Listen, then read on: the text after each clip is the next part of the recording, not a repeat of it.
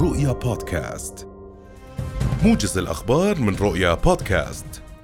عاد جلالة الملك عبد الله الثاني إلى أرض الوطن اليوم بعد أن شارك في اجتماعات الجمعية العامة للأمم المتحدة بدورتها الثامنة والسبعين في نيويورك.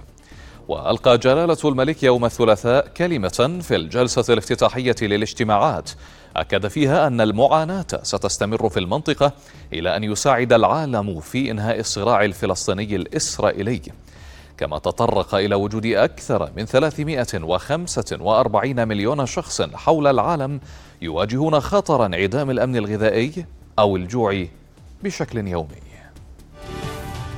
رجح خبير الطاقة عامر الشوبكي أن تشهد أسعار المحروقات في الأردن ارتفاعات متتالية خلال فصل الشتاء وذلك بسبب ارتفاع الأسعار عالميا إضافة إلى الضريبة الثابتة على المحروقات.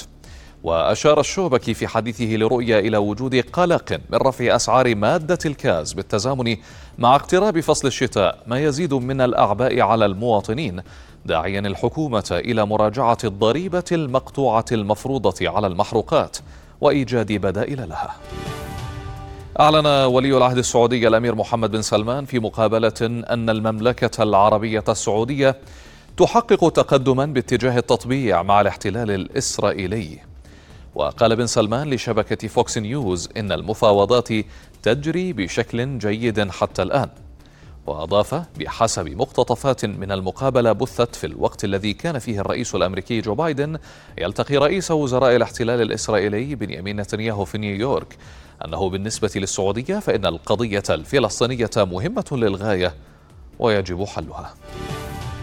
أعلنت السلطات الليبية تقسيم مدينة درنا حسب الأضرار التي لحقت بأحيائها وإخلاء الأحياء الأكثر تضررا من السكان ولتسهيل عمل فرق الإنقاذ وحماية الناجين في حين أعلنت حكومة الوحدة الوطنية الليبية وصول عشرات طائرات الإغاثة. وبينما تتواصل جهود البحث عن المفقودين وانتشال جثث الضحايا وأعمال تنظيف وتعقيم شوارع المدينة حيث أعلنت وكالة الأنباء الليبية بدء إقامة سياج عازل حول المنطقة المنكوبة في المدينة.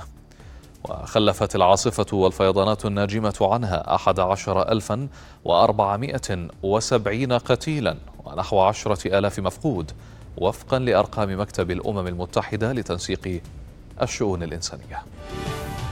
صوت الاحتياطي الفيدرالي الأمريكي لصالح إبقاء أسعار الفائدة عند أعلى مستوى لها منذ 22 عاما فيما توقع زيادة إضافية لها قبل نهاية العام لخفض التضخم. وبعد رفع أسعار الفائدة 11 مرة منذ أذار من العام الماضي انخفض التضخم بشكل حاد لكنه ما زال أعلى من هدف الاحتياطي الفيدرالي وهو 2% سنويا. ما يبقي الضغط على المسؤولين للنظر في اتخاذ مزيد من الإجراءات.